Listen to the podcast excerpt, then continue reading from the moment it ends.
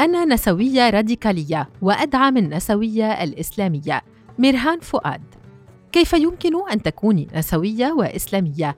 هاتان كلمتان لا تجتمعان فهل توجد نسوية إسلامية؟ قبل أن أجيب على هذا السؤال يجب أن نتفق على أنه لا توجد مظلة واحدة تجمع كل النساء أو لا توجد فئة اجتماعية تسمى المرأة فقضايا المرأة الأفغانية ليست هي نفسها قضايا المرأة الأمريكية وربما إذا سألت امرأة أمريكية ما هي أكبر مشكلة تواجهها الأفغانية ستخبرك بأنها الحجاب. لكن الأفغانية ربما ترى أن أكبر مشكلة أمامها هي الغزو الأمريكي أو أمنها الخاص أو التعليم. لا أعرف علينا أن نسألها شخصياً. وهنا تأتي ضرورة أن تنتج كل مجموعة من النساء نسويتهن الخاصة حسب الظروف السياسية والاجتماعية وأن تتحدث كل منهن بلسانها. والإجابة المختصرة على هذا السؤال هي نعم هناك تيار نسوي إسلامي عابر للحدود نشأ منذ أكثر من عشرين عاماً. وبينما يرى البعض أن المنظور الإسلامي لا يسمح بالتعددية ثم هو يتعارض مع النسوية لكن للنسويات الإسلاميات رأي آخر. وربما الأفضل من سؤال هل يصح الجمع بين النسوية والإسلام؟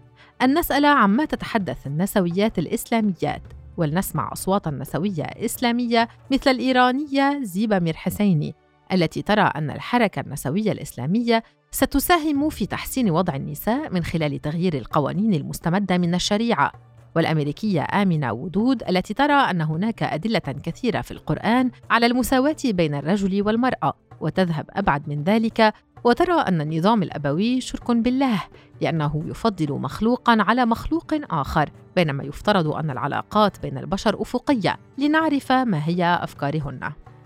دكتور أميمة أبو بكر إحدى النسويات الإسلاميات المعاصرات تعرف النسوية الإسلامية بأنها موقف أنطولوجي من الدين ومن النسوية وتيار بحثي وحركة على المستوى الإقليمي والدولي والأكاديمي. وتستخدم هذه المدرسة العدسة التحليلية الجندرية لإعادة قراءة التراث الإسلامي وتنطوي النسوية الإسلامية على البحث عن العدل والمساواة داخل إطار إسلامي وإعادة تفسير النصوص المقدسة المتعلقة بالنوع الاجتماعي وقد بنت حجتها على وجود فرق بين الشريعة والفقه وذلك كما ذكر في كتاب نريد المساواة والعدل في الأسرة المسلمة. فالشريعة هي الأحكام الثابتة. أما الفقه فهو نتاج فهم فقهاء ذكوريين في رأيهن أنهم ميزوا ضد النساء ودللوا على حجتهن باختلاف قوانين الأحوال الشخصية في البلاد الإسلامية المستمدة من القرآن والمرتبطة بأحداث تاريخية وقوانين استعمار أيضاً.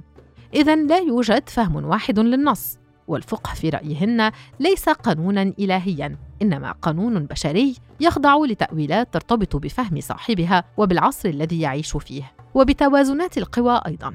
وأحد نماذج النسوية الإسلامية المهمة هي حركة مساواه التي تحتفل بمرور 13 عاما على تأسيسها ومقرها في ماليزيا لكنها تضم نسويات وداعمين للنسوية من الشرق والغرب وتتمثل رؤيتها في تغيير الخطاب الديني والقوانين والسياسات المبنية على هذا الخطاب وأيضا الأعراف الاجتماعية. فالقانون لا يتحرك في الفضاء وتغييره لا بد أن يصحبه بالتوازي تغيير في الوعي والمجتمع.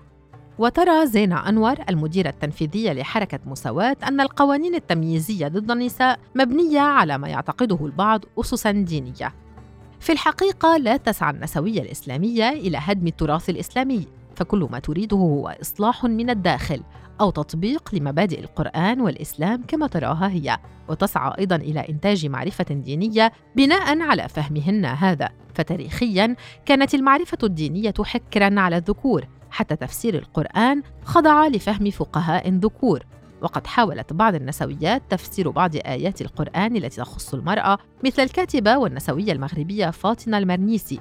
والسؤال الذي يتردد في ذهني دائما هو هل سيكون تأويل نسويات للقرآن مثل تأويل الشيخ الشعراوي مثلا؟ شخصيا لا أعتقد بهذا.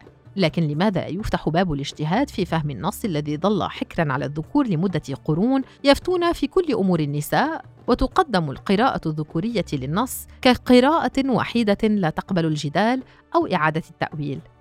تقدم أخريات مثل الباحثة التونسية دكتور زهية جويرو مقاربة لفهم جديد لآيات المواريث في القرآن وترى أن باب الاجتهاد قد أغلقه الفقهاء الذكور الذين هيمنوا على المعرفة الدينية ويرجع ذلك في رأيها إلى النظام الأبوي على المستوى الاجتماعي. وترى جويرو ضرورة إعادة النظر في هذه المسلمات وتقديم قراءات بديلة بما يناسب هذا العصر. شخصيا وأنا أعرف بنفسي كنسويه راديكالية لا أجد من يقصي النسوية الإسلامية إلا شخص مستفيد من التفسيرات الذكورية للخطاب الديني. وأجد كثيرا من المصالح المشتركة مع التيار النسوي الإسلامي التي تتعلق بإنتاج أحكام معاصرة لقضايا النساء من تعدد الزوجات والمواريث والعنف ضد النساء وكسر احتكار الذكور لإنتاج الخطاب الديني. وهذا الفهم الذي تبنى عليه القوانين التي تسري علينا جميعا بما أننا نعيش في بلاد تحتكم إلى الشريعة الإسلامية في قوانينها وتغيير الوعي المجتمعي المحتكم إلى الخطاب ذاته. بالتأكيد لا نتفق في كل شيء لكن هناك أرضية مشتركة نقف عليها وأتمنى أن تدعمني النسويات الإسلاميات في قضايا أخرى.